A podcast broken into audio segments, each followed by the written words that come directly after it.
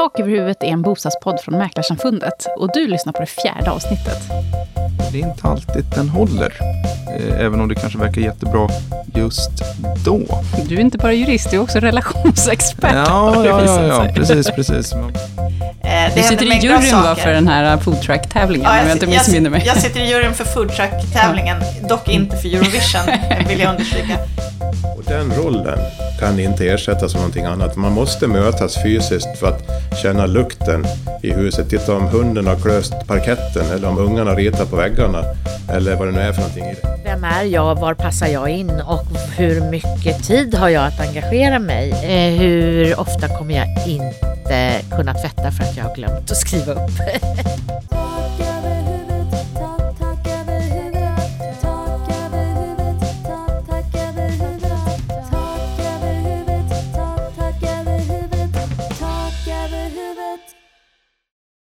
Jag heter Josefin Uppling och jag är kommunikations och analyschef på Mäklarsamfundet. I veckans avsnitt så ska vi prata om platsens betydelse och var själen i en stad finns. Till vår hjälp har vi Maria Ranka som är VD på Stockholms Handelskammare. Eh, veckans profil det är Lars-Erik Nyqvist som är VD för Sveriges största mäklarföretag. Eh, I veckans Fråga Juristen, då ska vi få lära oss lite grundläggande familjejuridik. Och kundombudsmannen Titti Örn, hon ska lära oss allt om trapphus, cykelförråd och själva bostadsrättsföreningen. Glöm inte att följa oss på Instagram, tak över huvudet heter vi. Prenumerera gärna på podden i en poddspelare och recensera gärna innehållet. Nu kör vi igång. Vi befinner oss på Stockholms handelskammare och här ska vi prata med Maria Ranka som är VD. Hej Maria! Hej, välkomna hit. Tack så mycket, jättekul att få vara här. Ni har det fantastiskt fint här i era nya lokaler, kan man säga det fortfarande? Ja, vi sitter här på Brunnsgatan 2 i centrala Stockholm sedan drygt två år tillbaka, men eftersom vi hade suttit i det så kallade Handelskammarhuset, ett palats på Västra Trädgårdsgatan sedan 1927, så får man väl säga att två år är ganska nyinflyttat. Vi kan säga att det är nya lokaler. Ja, du, hur länge har du varit VD här på Handelskammaren? Sen oktober 2010 så är jag inne på mitt sjätte år. Vad händer? Vad är ert uppdrag? Vad sysslar ni med egentligen här på Handelskammaren? Det är ett fantastiskt uppdrag. Vi är en organisation för företag här i huvudstadsregionen Stockholm-Uppsala. Vi har företag i alla branscher av alla storlekar som medlemmar. Och vår mission är att vara som en borgmästare, inte personen men institutionen, för hela regionen. Så vi försöker hitta lösningar på problem, fånga upp frågor, få personer och eh, bolag och andra som vi tycker borde mötas och känna, lära känna varandra att göra det. Eh, och eh, vi vill såklart att Stockholm ska vara attraktiv både för talang och för investeringar och för företag. Jag läste en artikel i The Economist för några år sedan som sa att geography matters as much as ever despite the digital evolution. Eh, håller du med? Absolut. Eh, Det finns en intuitiv föreställning att eh, digitaliseringen skulle göra oss mindre beroende av platsen. Men i själva verket så är det så att urbanisering och digitalisering går hand i hand. 600 städer och urbana regioner i världen står för 80 procent av global BNP. Det är en väldigt liten geografisk yta där eh, den mesta innovationen och den mesta ekonomiska aktiviteten händer. Och jag skulle nästan gå längre än vad Economist gjorde i ditt citat och säga att platsen är mer betydelsefull idag i den här kunskapsintensiva ekonomin och digitaliserade ekonomin än vad den tidigare har varit. Varför det? För att eh, när människor möts så händer någonting. Och vi är, för att innovation eh, är i hög utsträckning nya kombinationer av befintlig kunskap. Och i täta urbana miljöer så underlättar man för de här äh, mötena mellan människor som leder till att kunskap blandas på, på ett nytt sätt. Eh, så det är en anledning. En annan är att om vi ser många av de här digitala affärsmodellerna som, som kommer fram nu som är väldigt intressanta, som förändrar hur vi lever och gör affärer på och hur vi utnyttjar resurser. Om vi tar till exempel Airbnb som förändrar hur vi använder våra lägenheter och hur vi bokar hotell. Eh, och eh, Uber eh, som förändrar hur vi åker taxi. För att bara nämna två, det finns många fler i den här eh, dela ekonomin eller samarbetsekonomin som det brukar kallas, så bygger ju de på att du måste vara en tillräcklig kritisk massa för att man ska få den här hävstången som den digitala plattformen utgör. Så att även om digitaliseringen möjliggör för många av oss som har jobb där man kan kanske jobba på, man kan sitta på Kebnekaise och, och mejla lite Så länge man har sin padda med sig. Så kan, precis, eh, så visst, så på det sättet förlorar platsen i, i betydelse. Men, men vi kan också hålla igång många fler kontakter på det sättet. Och det leder till att vi också måste mötas. Och vi ser att innovation uppstår i täta urbana miljöer. Det är ju inte precis någon nyhet att bostadsbristen har väldigt stor negativ påverkan på tillväxtregioner, särskilt eh, Stockholm. Eh, hur illa är det, om jag får ställa en ledande fråga, i Stockholm idag? Hur, stora, hur mycket käppar i hjulet sätter bostadsbristen för Stockholms utveckling? Under de år som jag har varit på Handelskammaren så har vi gått från bostadsbrist till bostadskris. Läget är allvarligt. Eh, har du några exempel i nutid, liksom företag som eh, kanske funderar på att flytta härifrån, eller som har riktigt stora problem med att rekrytera på grund av bostadsbristen? Vi har mängder med, med exempel och vi får exempel nästan dagligen. Vi gjorde hyfsat nyligen en undersökning där vi frågade företag i regionen om eh, hur man ser på, på bostadsmarknaden och situationen där. Och då säger hälften av alla företag i Stockholm att det här är ett generellt tillväxthinder. En fjärdedel säger att bostadskrisen har drabbat det egna företaget. Och så många som en femtedel säger att man helt har misslyckats med rekryteringar bara på grund av bokrisen. Vad vi behöver det är reformer som både förbättrar rörligheten på den befintliga bostadsmarknaden, till exempel att man förändrar uppskovsreglerna eller sänker eller helt tar bort revinskatten, förändrar hyres Eh, regleringen så att man omreglerar hyresmarknaden för att få mer rörlighet där. Och sen behöver vi också reformer som påverkar byggandet och tempot i planprocesser. Så att det är inte en politisk reform som behövs, utan det är ett paket av, av reformer. Och de här strukturella frågorna, de, hittills så har vi inte sett att de står högt på agendan i de här blocköverskridande samtalen. Nej, det verkar petas mer i detaljer. Du, en helt annan grej, eh, eller inte en helt annan grej, men också något som präglar debatten i Stockholm om stadsbyggnaden. Det här Nobelcentret som ska byggas här i centrala Stockholm är ju något av en vattendelare kan man säga. Det är, de som är emot så menar ju att eh, Stockholms själ lever på något sätt i stadens silhuett, medan de som är för menar på att en stad är ju summan av eh, invånarna och hur de vill ha det just nu. Skulle du säga att du är team Jimby eller team Nimby? Motivera. Jag är generellt team Jimby, yes in my backyard. Och en stads silhuett måste kunna utvecklas. Men om vi tar Globen till exempel så är ju den en integrerad del av Stockholms silhuett idag. Och, och det var också omdiskuterat när den kom. Och alla stora projekt i Stockholm blir omdiskuterade. Med det sagt så betyder ju inte det att alla projekt är bra. För man måste ju kunna hålla två tankar i huvudet samtidigt. Det är inte så självklart har det visat sig. Personligen så tycker jag att eh, det är väldigt, väldigt bra att Stockholm äntligen får ett Nobelcenter. Eh, det är, Nobel bör, eh, har tillfört och tillför väldigt mycket till, till Stockholm. Och, och eh, om vi också kan få en märkesbyggnad som kan fyllas med ett vettigt innehåll på det temat så tycker jag att det är fantastiskt. Jag tillhör inte de som tycker att Blasieholmen är en dålig plats.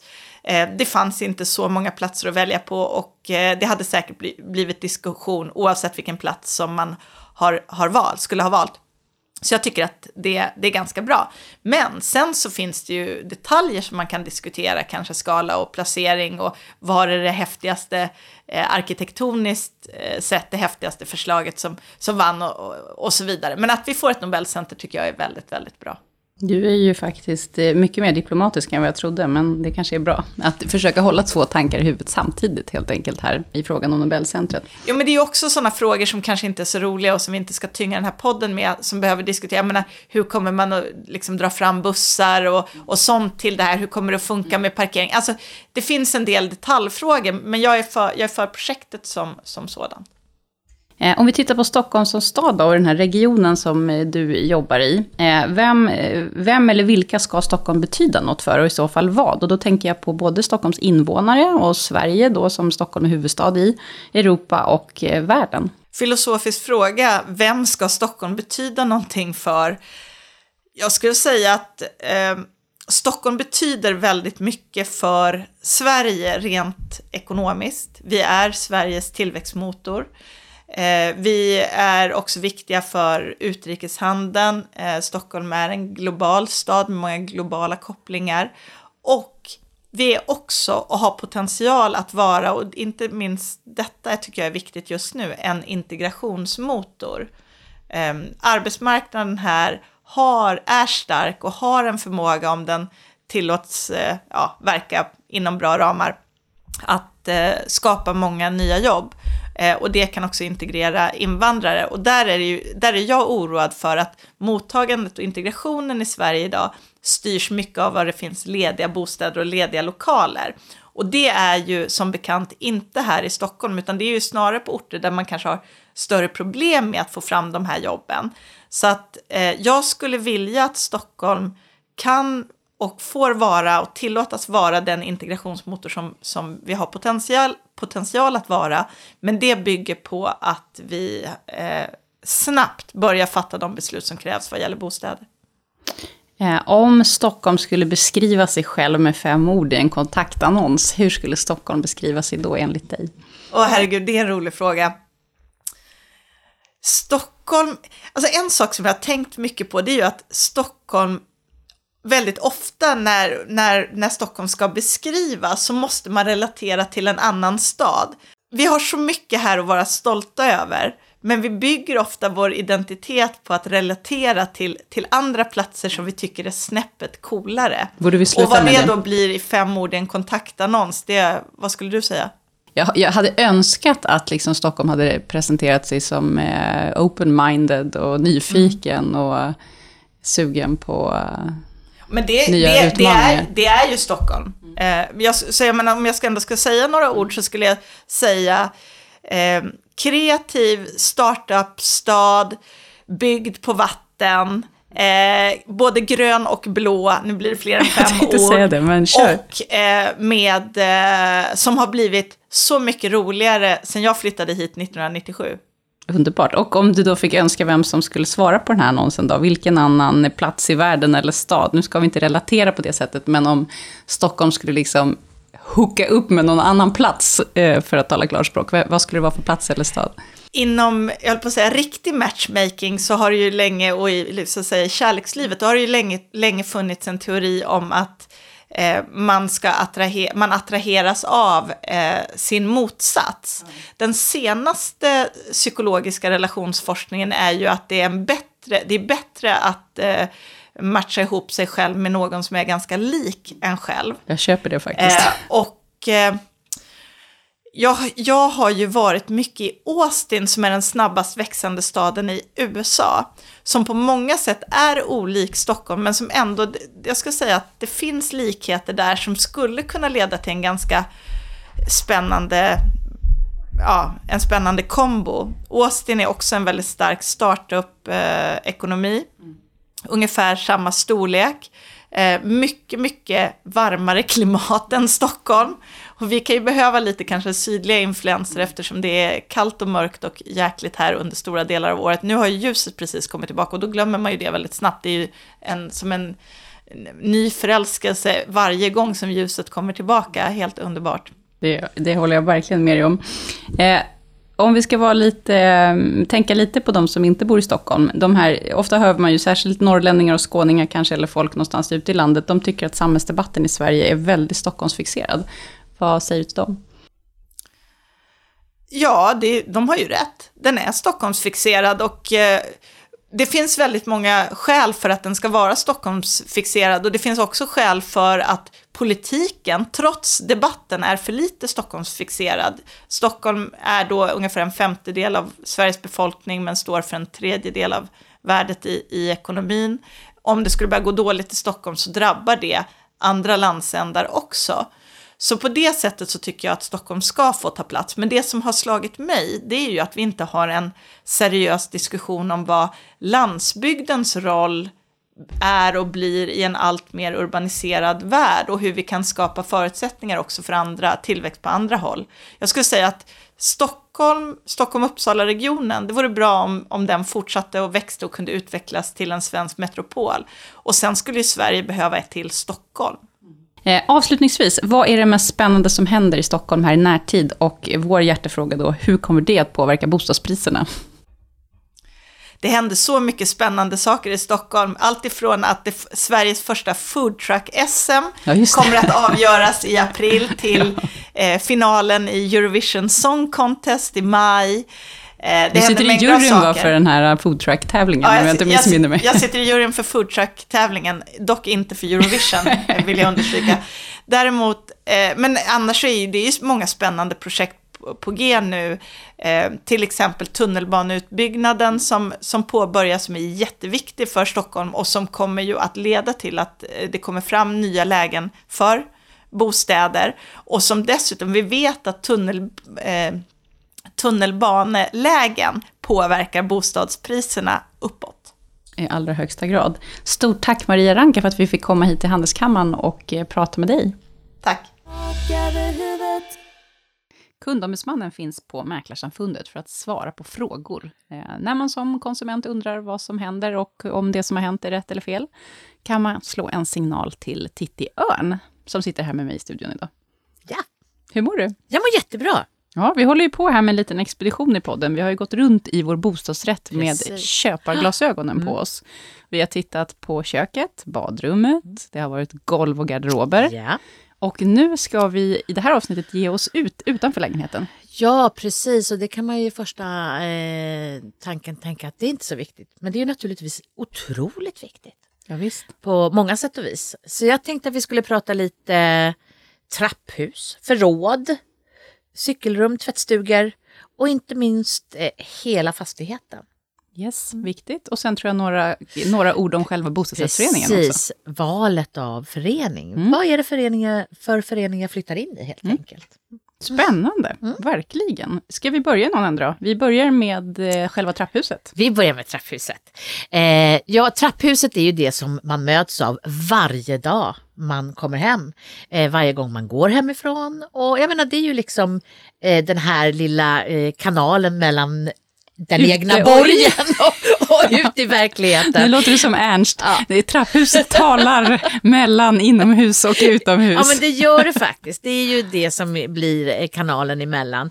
Eh, och eh, det är också här som man kan eh, se mycket av vad det är för typ av fastighet. Mm. Eh, underhåll och sånt är viktigt. Vad är det för typ av dörrar? Finns det säkerhetsdörrar? Hur har man hanterat posten? I många eh, eh, bostäder nu eller föreningar så eh, får man ju inte posten in i brevlådan i dörren Just det, längre utan man har postboxar Mm. och såna där saker. Det är liksom en helt helt ny grej om man inte har bott i flerfamiljshus tidigare eller i föreningar. Så är det här, hur ser den här föreningen ut? Hur är det när jag kommer hem till mig? Eh, och också kan man alltså ta lite tempen menar jag på hur eh, föreningen eh, tar hand om sin fastighet och hur det ser ut. Mm. Jag kan ju liksom, eh, gå i god här för att jag kan ju verkligen engagera. På mitt senaste bostadsrättsföreningsmöte så ägnade vi ganska mycket tid åt att prata om mattan i trapphuset. Att det var så väldigt tråkigt att den såg så himla skabbig ut när man kom in genom porten.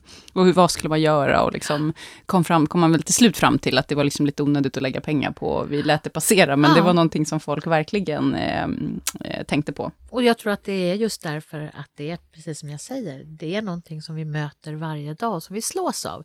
Så därför så tycker jag, tänk eh, lite extra på hur ser det ut? Mm. Hur kommer det funka med posten? Hur ser Ja. det ut? Finns det en matta? Ska den bytas? Kommer Hur? jag behöva driva att de måste byta färg på dörrarna? Exakt. Och kommer jag, få kommer jag ha en säkerhetsdörr eller hur kommer Ja. det se ut? Jättebra tips, verkligen. Eh, Vi kilar vidare ut på, kanske på innergården till cykelförrådet då. Eller kanske i källaren kanske Ja, det finns. precis.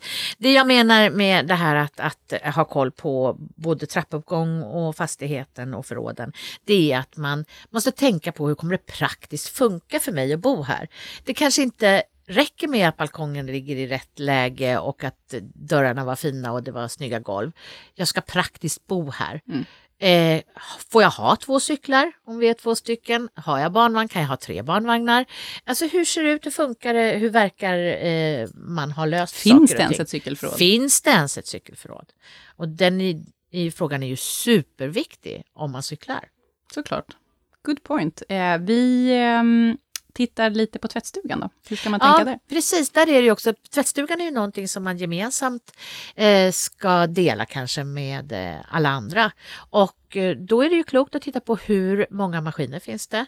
Eh, hur ofta kommer jag inte kunna tvätta för att jag har glömt att skriva upp. Mm. Hur många arga lappar? Ja, och hur många arga lappar. Ta bort eh, luddet finns i det? torktumlaren. Ja. Nej, men det är viktigt att titta på, har det här förutsättningar att fungera? Eller är det så att det inte är så viktigt för det fanns en bra tvättpelare i badrummet i den lägenheten som jag köper. Så jag behöver inte värdesätta det här så mycket. Utan jag kanske verkligen kan ha det till att tvätta stora saker och, och sådär. Eh, så att det är den biten som jag tycker är viktigt. Det är också sådana saker som kan komma att kosta föreningen mycket pengar. Eh, så att då är det bra att ha lite koll på eh, hur är det här gamla maskiner, är det nya maskiner? Kan det vara en av saker som kommer påverka föreningens ekonomi framåt? Kan det vara frågor som kan vara bra att ställa till någon i styrelsen när jag tar kontakt med dem? Eller kanske chattfråga om på webbplatsen som föreningen har. Så. Och också liksom räcker en tvättmaskin och ett torkskåp till 100 lägenheter verkligen? Precis, hur ser det ut och hur har man löst den frågan? Jag tycker den är, den är ganska central faktiskt. Mm. Snacka om styrelsen. Hur ska man tänka? Nu vet vi att det råder bostadsbrist nästan överallt där folk ska bo, så jag tror väl eh, att det inte är en helt okvalificerad gissning att tänka att man kanske inte lägger så mycket tid på att försöka välja rätt förening, utan man är glad om man får köpa något överhuvudtaget. Ja, precis, att man når hela vägen Ja. fram. Men i den bästa av världar. Ja, men eh, absolut så är det. Så i den bästa av världar så får du tag på någon i styrelsen och kan känna dig för lite eh, och ställa de frågor som du kanske har samlat på dig. Eh, när vi var där i trapphuset och så, så var det en grej som jag tycker är eh, en sån där lite klok grej att göra. Kolla på anslagstavlan. Vad står det på anslagstavlan? Mm. Där kan man få reda på väldigt mycket om hur känslan är här. Har vi en god ton eller har vi en ganska eh, sträng och disciplinär ton? Din mamma jobbar inte här. Ja, alltså, du, ja, du kan se massor med saker på den här anslagstavlan. Eh, Om det finns en anslagstavla. Ja, och det gör det i de allra, allra flesta hus. Det är ju till, till exempel där som energideklarationen ska stå anslagen.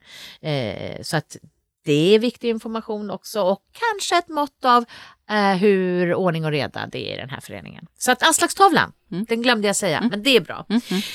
Eh, tillbaka till, till styrelsen och, och någon kontakt där då så eh, har de allra flesta föreningar faktiskt idag en webbplats. Mm. Så att eh, det står nog i objektsbeskrivningen en adress. Besök den och se om du kan få lite närmare information som du känner dig liksom trygg med. I annat fall så, ja, jag förstår att man inte har tid, men igen, eh, du bör göra det. ha någon kontakt tycker jag med någon i, i styrelsen. Mm. Hur ska man tänka med storlek på um, förening och liten eller stor förening? Eller liksom hur, hur ska man, är det samma sak där, att man måste tänka utifrån sina egna behov och vad man trivs med? Absolut, vem är jag, var passar jag in och hur mycket tid har jag att engagera mig? Eh, för att, att valet av förening eh, ställer olika krav på dig som, som medlem helt enkelt. Eh, väljer du en, en liten och oftast väldigt charmig förening så får du räkna med att du eh, kommer troligtvis ha en eller två styrelseposter samtidigt eller uppdrag samtidigt. Du kommer, de som bor i den här föreningen eh, kommer vara dina eh, nära personer i vardagen. Eh, kanske inte säga vänner, det vet vi ju inte, men det kommer vara människor som påverkar din vardag. Eh, och eh, det är viktigt. Du kommer inte undan städa om det bara är 20 lägenheter? Nej, det kommer man inte göra och det kommer så att säga eh, sannolikt vara sura miner och eh, sanktioner och sånt om man inte ställer upp. Eh, väljer man lite större föreningar så är det inte lika charmigt. Ganska opersonligt. Men sannolikt inga sura miner om du säger jag betalar hellre 500 spänn än att städa på söndag. Eh, så det är den typen. Och om vi pratar ännu större föreningar så, så hamnar vi i ytterligare ett steg bort från hur mycket jag personligen kan påverka och tillika engagera mig. Så det är viktigt tycker jag. Suveränt. Något kort helt enkelt då om eh, cykelförråd, eh, trapphus, tvättstuga och eh, föreningarna. Ja, Ja, det är inte som sagt något man tänk ska lämna den, åt slumpen. tänk på den, du lämnar det inte åt slumpen. Det är väl lite det jag vill mena. Väldigt bra medskick. Vad hittar vi på i nästa avsnitt? Nästa avsnitt så ska vi eh, nog faktiskt gå över till att prata om förberedelser Mm. inför ett köp. Mm. Och eh, vi kommer då ha fastighet som eh, mål. Just det, vi lämnar bostadsrätten hus. Vi nu. lämnar Mm. bostadsrättsvärlden och går in lite i det här med att köpa sitt första hus.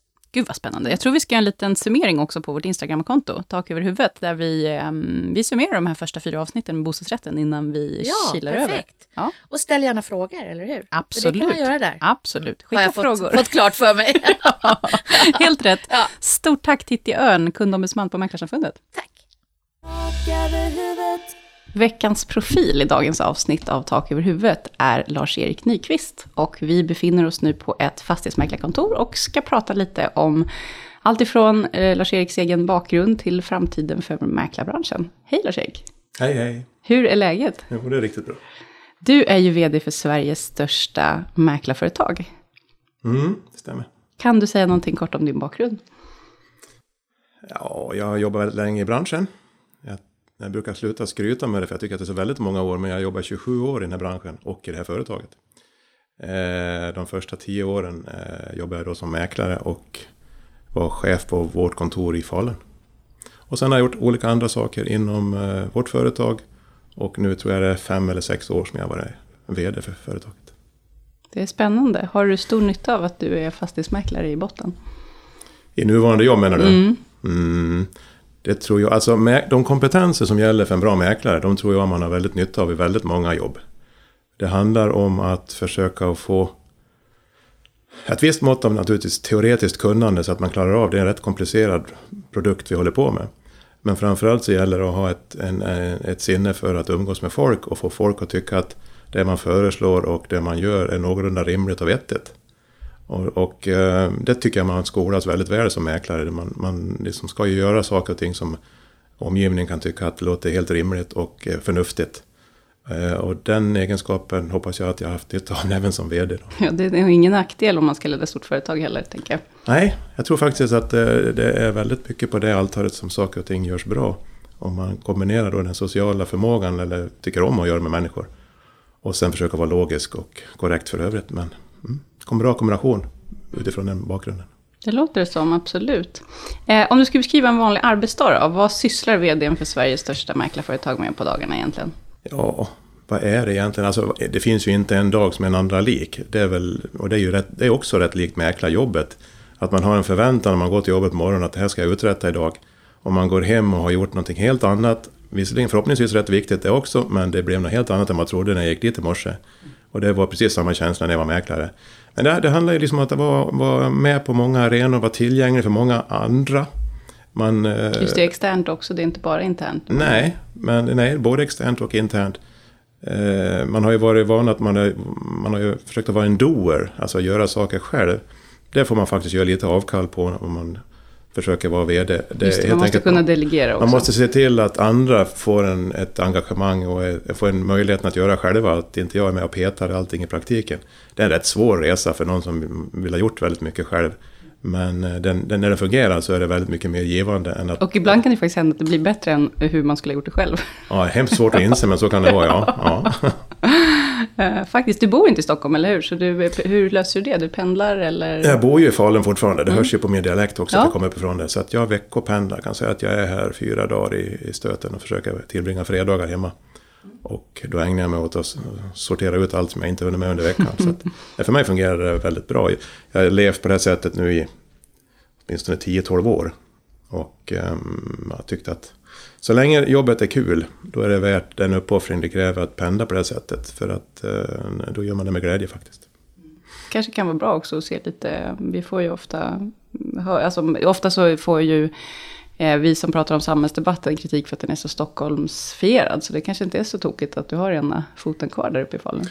Ja, och det är inte undra på att den kritiken finns, för den- den är otroligt Stockholmsfixerad.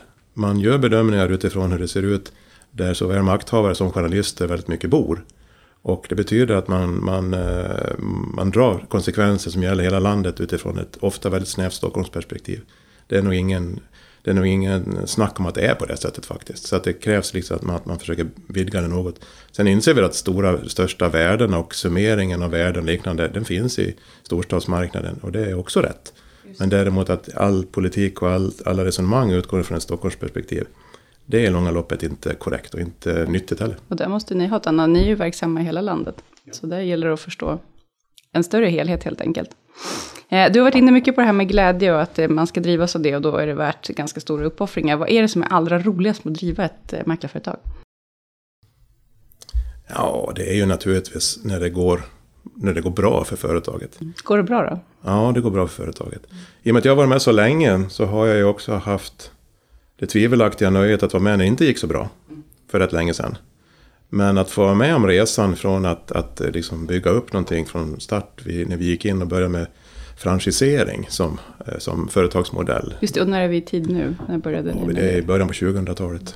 Eh, och få den formen att... Jag blev själv erbjuden att franchisera kontoret i Falun. Och tacka aktivt nej. Ja, det är Nej, intressant. tro- Varför det? Det där trodde jag inte på. Det var, Var det, Mal- var det Falun du inte trodde på, eller själva konceptet? nej, det var koncept, nej, Falun trodde jag på, men det konceptet franchise. Varför skulle man, eh, varför, varför, vad skulle man göra bättre om man ägde det kontra när jag var anställd? För jag tyckte att vi hade jobbat rätt bra och intensivt redan som det var. Och eh, tackade alltså nej. Och sen fick jag då chansen att göra lite andra saker istället så att det blev bra i alla fall. Men, men det beslutet är väl ett av mina största misstag när det gäller logik. för, att, för att gått ifrån att vara franchiseförnekare så är jag idag franchiskramare kan jag säga. Jag tycker att franchisformen fa- passar utmärkt för den här typen av verksamhet. Ett strikt koncept som, som styr upp hur man utformar eh, vardagen och tjänsten på ett förhoppningsvis smart och bra sätt som kunderna Alltså från uppskattar. centralt håll. Ja, och sen ett väldigt starkt lokalt driv som gör att du vaknar och somnar med ditt eget företag hela tiden. Den kombinationen, den har visat sig väldigt, väldigt stark. Mm. En spännande utveckling som du har varit med om där. Eh, du var inne också på att du varit med när det inte har varit så lätt eller inte har gått så bra. Vad är det som är allra svårast och mest utmanande med att driva företaget, tänker jag? Det är väl att försöka att, eh, det, det är ju en, det är ju en marknad som har varit i stark utveckling med förändrade villkor. Och att eh, se till att de beslut tas som gör att vi på lagom eh, med, med lagom eftersläpning, för eftersläpning blir det, man, kommer inte, man reagerar inte på alla signaler tillräckligt tidigt. Men att man inte eh, går, går vilse i vart utvecklingen pekar någonstans och inte agerar på områden där det verkligen vid senare seende kan se att där borde vi ha gjort någonting annat. Att hela tiden eh, engagera sig i att leta efter vad är det största anledningen till att vi justerar någonting nu. Och sen vara förvissad om att det vi gör är rätt och sen och gå på den linjen, inte hoppa från tuva till tuva utan då vara långsiktig med att det här är rätt och sen och så är det den vägen vi ska köra.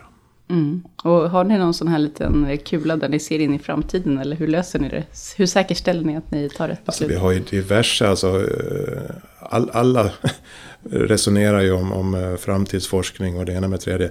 Jag tror att man tillmäter sin egen förmåga för lite för, stor, lite, för lite värde faktiskt. Jag tror, för då kan man säga att vi, ja, men vi i mäklarbranschen vi behöver extern input och, vi behöver, och det behöver vi. Men när den är levererad, då ska vi själva gå in och ta en funderare. Vad betyder det här för vår typ av marknad? Alltså vi som jobbar i det här, mång, bättre experter på den här typen av marknad, det finns inte. Och sen om man då tagit intryck av vad som har sagts, att man vet åtminstone vad de stora dragen är, så ska man dra egna slutsatser. Jag tror inte man ska lägga sin framtid i knät på någon eh, guru som, som för dagen har tolkningsföreträde.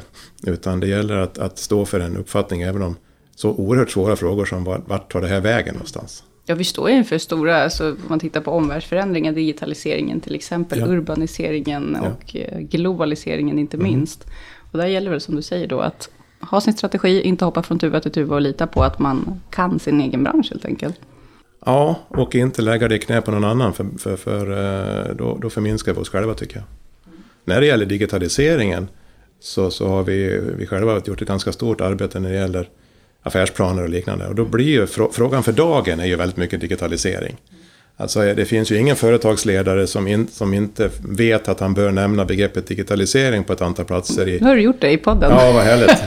Och men då ska jag lägga till strax att eh, när man gör den här sammanvägningen kring vår tjänst så skulle jag vilja hävda att, och vi hävdar i affärsplanen, att eh, den här tjänsten till stora delar kommer fortsätta vara analog.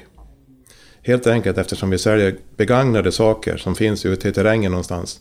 Där människor ska mötas med fullständigt olika intressen. En vill ha så mycket som möjligt, en vill ge så lite som möjligt.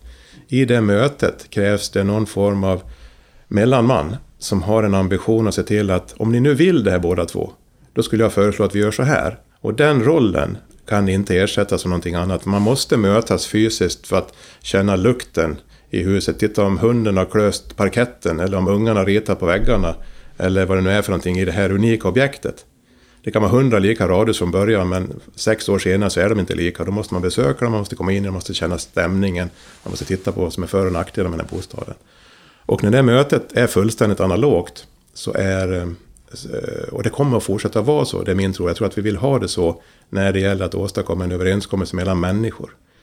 Där har vi inte sagt att inte vi i mäklarbranschen måste bli duktiga på digitalisering. För att när vi vet att den här så stor del av vår tjänst, tror vi då, kommer fortsätta vara analog. Så måste man då leta alla digitala hjälpmedel som kan finnas.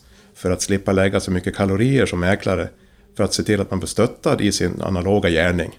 Det var ett fint ord, analog Mm, gärning. ja, den, den tar vi med oss Men, eh, Fick du till det? Men, eh, och då måste man leta så mycket digitala system som möjligt som underlättar och ger kunden bättre service. Effektivisera helt enkelt. Och då, då har digitala lösningar en, en, en, en särställning. Men jag tror inte vi ska, eller vi tror inte att spåret är digitalt med D, stort D. Utan det är en kombination. Människan behövs i det där mötet. Hur ser du på framtiden då rent allmänt? Vi vet ju att vi har ett ständigt, ett ständigt jobb att göra med branschens anseende och förtroendet för fastighetsmäklarna. Hur ser du på det på lite sikt? Ja, det, det, det är jätteviktigt tycker jag. För att... Eh, jag vet när jag började här, och det var som sagt väldigt länge sedan, så vet jag jag tänkte att ja men den där branschen det är nog mest bilhandlartyper. Och det var ju också en fördom, för bilhandlare idag är ju faktiskt inte alls något speciellt dåligt märke när det gäller, Nej. när det gäller kundservice och allt möjligt. Men så jag tänkte jag. Att det här är ju ett bilhandlargäng som liksom, eh, där det finns säkert en hel del att göra för att reda ut och försöka vara rejäl i det sammanhanget. Nu måste jag säga att ända sedan jag började så har jag blivit förvånad över hur otroligt rätlinjigt den här branschen beter sig när det gäller att hantera kunder och eh, förhållanden som kan drabba kund. Hur kommer det sig då att det Jo. finns den här Ja, känslan? men, men, men hur kommer det sig att mäklarbranschen beter sig på det sättet? Och det tycker jag är ganska lätt att förklara. Det är för att ska man lita på någon generellt, någon yrkeskår, så ska man lita på en yrkeskår som är beroende av sitt goda rykte för att få ut lön varje månad. Alltså är man beroende av att man har ett gott namn i stan, i, i byn, i storstan, Eh, så är det alltså en garanti för att du inte gör kortsiktiga saker, för du är du ur marknaden. Det, det, det funkar så att, att det är mycket sämre egentligen att lita på någon som har en relativt fast position, som är fast månadslön, oavsett hur man tillgänglig man är eller hur redig man är så har man, det, det, det dunkar ut en månadslön i någon form. Mäklaren är beroende av att starta på noll varje månad. Och ska jag tjäna pengar överhuvudtaget så måste jag bero på att folk litar på mig att jag gör ett, ett rejält och gott dagsverke kontinuerligt. Men kan det inte bli också backfire åt andra hållet? Att man kanske har lättare att ta kortsiktiga, kanske inte helt genomtänkta beslut eftersom att man är beroende av att kunna betala hyran varje månad. Ja, men det är ju kopplingen då till, för, för den som förstår det här, att kortsiktiga beslut gör att jag nästa månad inte har någon intäkt istället. Och den förmågan att förstå det tycker jag mäklarbranschen har varit duktig på. Faktiskt. För i, i och med att man har varit med och träffat så många så länge. Så andelen som inte lever upp till de standarderna tycker jag är, är låg. Förvånansvärt låg till och med. Mm. Så du känner att det finns eh, stort hopp där för att bygga vidare på anseendet och förtroendet för Ja, man, framtiden? man, när man förstår att en, ens framtid och utkomst beror på hur man, hur man hanterar människor och kontakter och eh, fakta. Då leder det till sunda reflexer tycker jag hos, eh, hos den här kåren. Mm. Konkurrensen i branschen, det vet vi ju, eh, den är ju stenhård och det är ju tufft från tid till annan för alla som är verksamma i branschen. Men det är ju väldigt positivt ur ett konsumentperspektiv att det nu finns mäklare som är nischade och specialiserade i alla möjliga olika, dels lokala marknader men också på olika typer av objekt. Eh, hur lyckas man i den här hårda kon- konkurrensen med att vara störst? Eh, om man bortser från liksom, ekonomiska faktorer som skalfördelar och sånt. Vad är framgångsfaktorn? Eh, att man attraherar bra folk. Eh, att man har bra medarbetare. Hur lyckas Och man det, med det? och det kan låta som en klyscha. Det, all, Företagsledare säger ofta att det är medarbetarna. Det här står och faller med att vi på varje lokal plats har människor som är, är goa att ha att göra med. Och, och är rediga. Så att den här, det, har man bra folk så kan man faktiskt förändra rätt mycket av företagets idé, intentioner, affärsplaner. För då är de, de människorna också flexibla på det viset. Känner de att det här är rätt och det här känns riktigt så hänger man på. Så att kan, man kan skala och man kan prata om många olika förutsättningar för att åstadkomma saker och ting. Och jag kommer alltid ner till att det, man måste omge sig och attrahera bra människor som vill saker och ting. Då, då händer det stora Och saker. hur gör ni det då? Hur, vad utmärker en riktigt bra fastighetsmäklare? Vad ska man tänka på om man vill söka jobb hos dig? Eh, en riktigt bra mäklare är driven, är, är driven, är engagerad, entusiastisk. Erfaren är en svår sak att säga eftersom otroligt många framgångsrika mäklare inte kan vara erfarna eftersom de är ganska unga. Så att den, den får man tona ner. Sen är det en fördel naturligtvis att man kan, kan alla formalia och sådana saker. Men jag tror, att det är en ganska stor för, jag tror att det är en ganska stor förändring när man till exempel går mäklarutbildningen. Där man då har varit inne i en akademisk värld och blivit premierad kanske för, för teoretisk färdighet i många avseenden. Spetsat på tentor, vad det kan vara. Och sen kommer man ut till oss och så säger vi ja, härligt, nu är du klar med din kurs. Nu ska vi berätta, det här jobbet går ut på att prata med människor. Och att ta kontakter och odla kontakter och vara en tillgång för kunder i vardagen och allt det här. Den, eh, när man då säger, nej men jag är ju intresserad av Juridik. ja, skatt. Skatteberäkningar var jag är jätteduktig på. Mm, det är bra, men Kul för dig, i, säger i, det här, du. I det här jobbet så måste vi klara av att hantera kunder i första hand. Och den förvandlingen därifrån teoretisk färdighet som inte ska underskattas, för har man den som en bas så, så det krävs ju, vi har väldigt mycket teoretiskt krångliga saker. Men eh, det är ju inte intresse för hus som är det primära, eller arkitektur, eller heminredning. Utan det är intresse för att människor ska känna att det jag levererar känns ärligt och rimligt och genomtänkt och att det tillför mig någonting som kund. Och den känslan, den, den förmågan, den entusiasmen, det är den vi letar efter. Eh, vi har ju eh, som sagt eh, hård konkurrens i branschen. Det finns ett antal lite större företag och det finns också väldigt många mindre och även egenföretagare. Många av de mindre aktörerna i branschen de menar ju att de här banksamarbetena som är vanliga hos er lite större aktörer, att det på något sätt skulle skapa osund konkurrens. Ehm, vad säger du till dem? Ja, det, alltså det är ju ett faktum, så här ser det ut. Så här har det sett ut väldigt länge. Det, här, det handlar ju om att, man, att, att de här bankanknutna företagen inte får styra kunders val av kreditgivare och liknande. Och det är vi ju väldigt noga med. Däremot jobbar vi ju då för att man ska, man, man ska fråga om man vill ha, ett, vill ha kontakt. Och sen är det då upp till kunden att bestämma. Eh, ja, nej, jag har egentligen ingen kommentar utan ägarförhållanden, det, det går ovanför min horisont. Så här har det sett ut och så här har det eh, fungerat. Jag tycker inte att, att det har tagit konsekvenser att kunder har känt sig på något sätt eh, eh, styrda i för hög grad. Och jag kan säga att jag skulle reagera mer om kunder tyckte det än om mina konkurrenter tycker det. Ärligt. Utifrån ditt perspektiv då, är det viktigt att, jag tänker att man har ju en särskild position när man är på det allra största företaget. Eh, tycker du att det är viktigt att mäklarbranschen som helhet är enad? Jag tror att det är sunt att vi är väldigt oeniga i en massa frågor. Det här är en konkurrensbransch. Man ska, man ska prova olika spår. Man ska ha olika grundinställningar, man ska göra olika saker. Eh, så att någon sorts enighet in absurdum är jag absolut inte ute efter. Däremot letar jag efter frågor där vi utåt eh, skulle framstå som mycket mer eh, rediga, mycket mer till, tillräkneliga. Är det ett ord? Ja, absolut. Eh, Vi skulle framstå som mer tillräkneliga om vi kunde formera oss att säga att i den frågan så har vi faktiskt, trots de här väldigt starka konkurrenskrafterna, har vi enat oss eftersom det kommer att göra nytta för kund. Och den förmågan att göra skillnad på att i vissa frågor kunna vara stenhårda konkurrenter och sen bestämma att några portalfrågor som har att göra med systematik och juridik och, och vårt anseende, där måste vi kunna vara mycket, mycket tydligare på att det är värt eh, att vi, vi tar gemensamma beslut.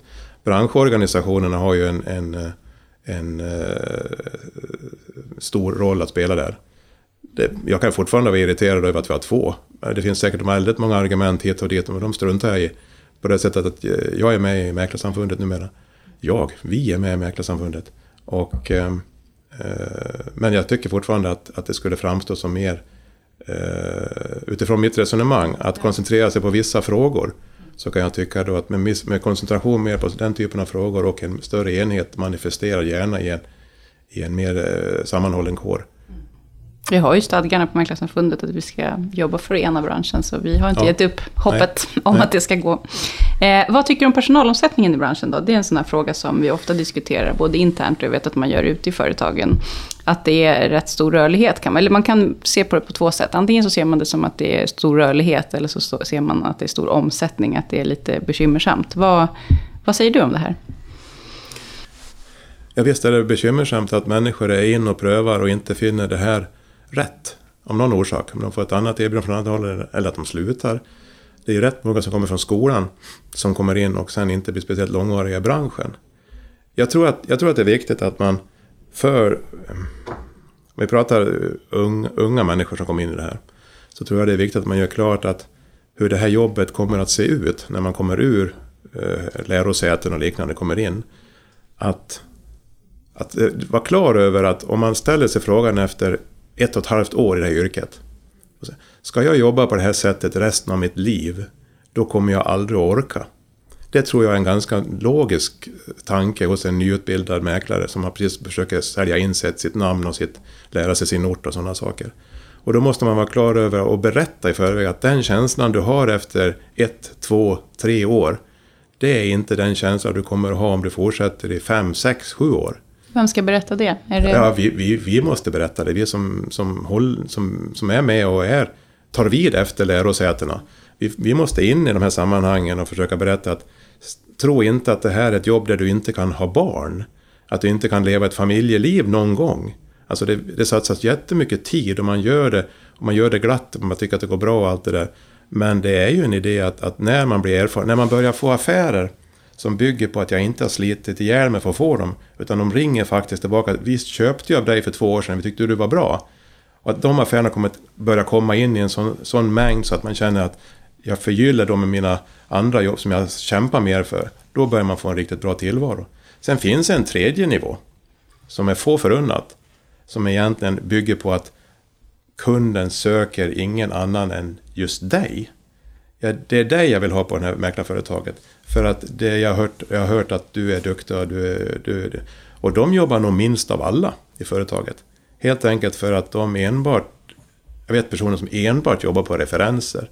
Tar aldrig ett, ett, ett, en annan typ av tips, för det får de som är nya ta.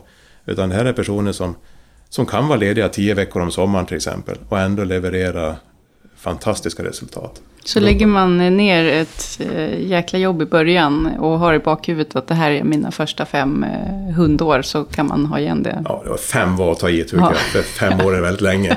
Men Men man här i Stockholm till exempel, konkurrensen är ju Ja, svinhård. men man får inte stanna upp och tro att det här är tillvaron som jag nu har gift mig med för all framtid. För då tror jag man blir lätt depressiv. Utan det, här, det, det händer saker, det blir lättare. Det, om du är lämplig. Om du är lämpad för det, om du liksom lyckas få det känslan hos kund att ja, men han var bra.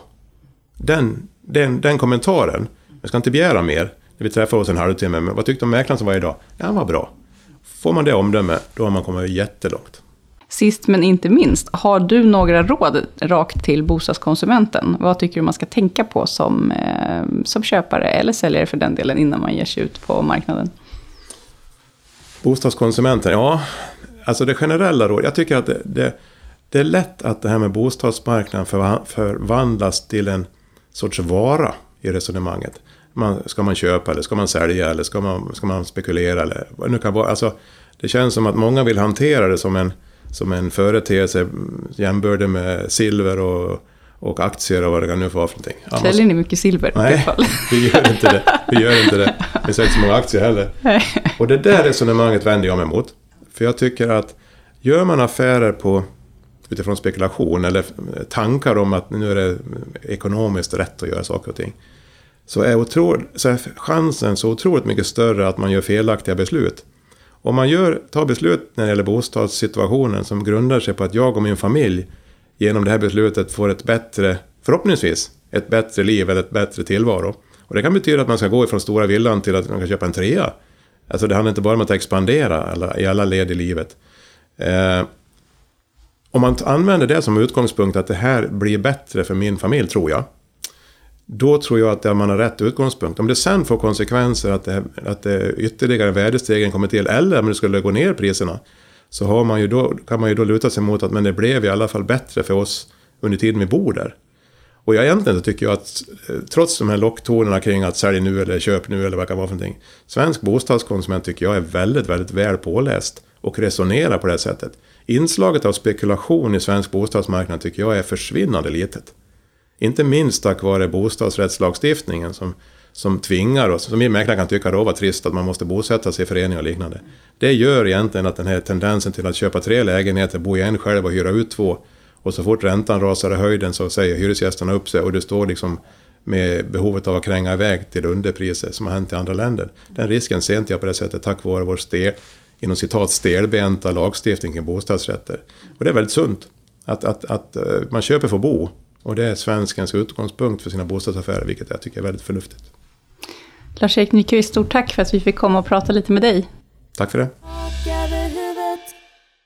I veckans avsnitt av Fråga Juristen så ska vi få oss en liten omgång av basic familjejuridik. Eh, Eller hur, Fredrik Aldmo? Ja, det stämmer, det stämmer. Eh, Till vardags är du eh, förbundsjurist här på Mäklarsamfundet och nu knäcker du extra som poddjurist. Ja.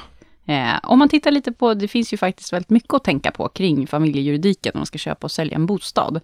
Eh, och nu för tiden med de här priserna och den här bostadsbristen så är det ganska vanligt att föräldrar hjälper sina barn ekonomiskt. Eh, stämmer det? Ja, det är ju otroligt vanligt faktiskt att eh, sonen eller dottern inte riktigt har den här kontantinsatsen löst sparad inför första boendet, om vi säger så. Och vad gör föräldrarna då? Lånar upp lite på villan? Exakt, det brukar vara så att man, man intecknar villan eller lägenheten för några hundratusen extra och sen så får eh, barnen använda dem till kontantinsats. Då. Mm. Och vad ska man tänka på då som förälder? Om det nu är så, ofta är det kanske så att det här barnet vill flytta ihop med en ny potentiell partner. Ja, det är då det börjar bli farligt. För att eh, den här första samboskapen, va, eh, det är inte alltid den håller. Eh, även om det kanske verkar jättebra just då. Du är inte bara jurist, du är också relationsexpert. Ja, ja, ja, ja precis, precis. Man blir cynisk av att eh, höra alla eh, trauman som händer i lägenhetsaffärer, ska jag säga. Ja, det förstår jag verkligen. Vad kan, du säger samboskapet är lite bräckligt. Ehm, hur ska man tänka som förälder nu? Nu vill jag låna ut till lilla Pelle här och hans nya flickvän. Mm. Det man ska tänka på är att om de köper tillsammans, va? då blir ju det här, eller egentligen det räcker med att Pelle köper själv och att eh, eh, Lisa, om kallar henne, flyttar ihop med Pelle. För då blir det här samboegendom om den då anskaffas för gemensamt boende. Just det, då spelar det ingen roll vem som har betalat. Nej, eh, för det innebär strängt taget att när de då ska gå skilda vägar så kommer någon av dem säkert att vilja ha bodelning och då ska man ta eh, ska man ta den här lägenheten, om, om vi förenklar nu lite grovt Mm. då. Ta lägenheten, dra ifrån lånen och se vad blev det över? Ja, hälften av det ska respektive part ta då. Och om man då som förälder vill se till att eh, eh, då, när Lisa är ex-flickvännen, att hon inte får ta del av de pengar man lånade ut till Pelle, hur ska man gå tillväga? Då ska man skänka bort den här slanten till kontantinsats eh, genom gåvobrev med förbehåll då om att den här eh, gåvan eller det som träder i dess ställe då, lägenheten i det här fallet, eh, skall vara enskild egendom. För att då kan inte eh, den andra parten eh, ha några möjligheter att lägga vantarna på de här eh, pengarna. Okej, eller att man alternativt upprättar ett skuldebrev så att man är då betalningsskyldig med hälften var till den här föräldern. Det skulle man också kunna tänka sig, att man lånar ut till, till bägge två. Det är, det är faktiskt inte helt ovanligt, ska jag säga, att man gör på det sättet. Om man tittar på vad som händer då när det går åt skogen, du säger att du blir cynisk av att lyssna på alla, alla konstiga lägenhetsaffärer. Oftast är det väl så tyvärr att när en relation spricker så vill man, eh, eller måste man sälja och eh, skaffa någonting annat. Eh, vad, vad är grejen med att mäklaren alltid ska blanda in exet? Ja, eh, det kan man enkelt uttrycka så här att om den ena parten har, har lämnat bostaden, vilket det brukar vara frågan om, va? så är det så här att det finns en hel del skyddsregler som säger att du får inte sälja den gemensamma bostaden, då, eller det som tidigare varit den gemensamma bostaden, eh, utan att den andra parten har samtyckt till det här. Den som jag har betalat och äger den själv. Exakt. Det, är, eh, det finns vissa undantag, men man kan säga så här, de är så pass krångliga, om jag ska uttrycka mig enkelt, att eh, huvudregeln är att har man bott där tillsammans, ja då måste den som har bott där tillsammans med det som säger, måste de lämna samtycke till försäljningen. Just det, annars kan inte mäklaren ta åt sig uppdraget.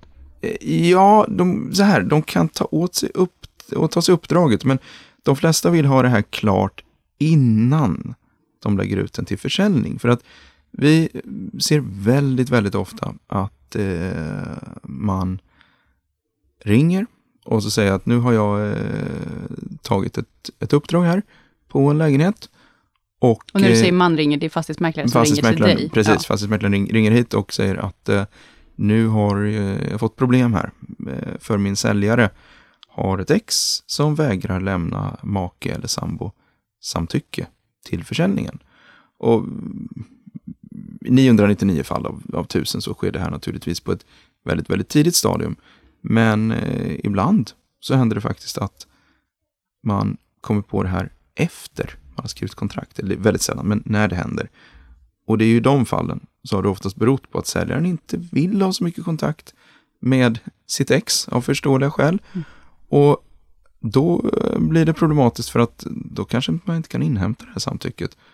Och det kan ju faktiskt ställa till väldiga problem. Just det, och för det går inte att genomföra affären då, eller hur funkar det? Nej, man kan säga så här att eh, den tidigare partnern då kan faktiskt eh, få affären ogiltig förklarad om de väcker talan i domstol inom tre månader från det att man fick kännedom om affären. Och det där är ju jätteproblematiskt för hur bevisar man att de fick kännedom om affären? Och oftast är det ganska korta tillträden på lägenheter, så det kanske inte har hunnit gå tre månader. Och är det en fastighet så kan man inte få lagfart. Så att det där kan bli väldigt problematiskt. Okej, så det, är det, det är det som är grejen med exet helt enkelt. Ja, det finns en exakt. juridisk implikation. Ja. Eh, hur, du, hur funkar det när man är gift då? Jag pratade med en person här om veckan som var rätt störd över att eh, hon skulle sälja då familjens lägenhet och så fort mäklaren kom hem så frågade mäklaren, jaha, och vart är din man? Ska inte han vara med på mötet? Mm. Om man är gift eh, så är det ju samma sak där va, som, som sambo. Det är samtycke som krävs. Och ofta är också, om man inte får glömma bort, det är ju det här att oftast är man ju två ägare. Och det förslår ju inte så långt att bara en skriver på. Va? Oavsett om man är gift så måste båda skriva på. Ja, om man ägde tillsammans. Eh, Äger man hälften var så, så måste bägge ägarna måste vara representerade. Va? Det är väldigt viktigt och där kommer vi in på något som oftast har med mm, det här problemet med fullmakter då, Mhm. eh, att göra. Och eh, det där blir gärna så att eh, den ena parten kanske jobbar utomlands eller åkt iväg på någon lång resa och så säger man till mäklaren, ja vi har snickrat ihop en fullmakt här. Den är jättebra. Och så tittar mäklaren på den och ser att oj, oj, oj, det här var ju inte så bra. Eh, den här uppfyller ju inte kraven. Eh, och hur gör vi nu då? Ja, då får man försöka buda en originalfullmakt från, från då eh, Mexiko eller kan vara, va? om Mm. det är en fastighet. Eh, Bostadsrätter där är det inte riktigt lika strängt med fastigheter. Där måste det peka ut fastigheten och det måste stå att det handlar om köp eller försäljning.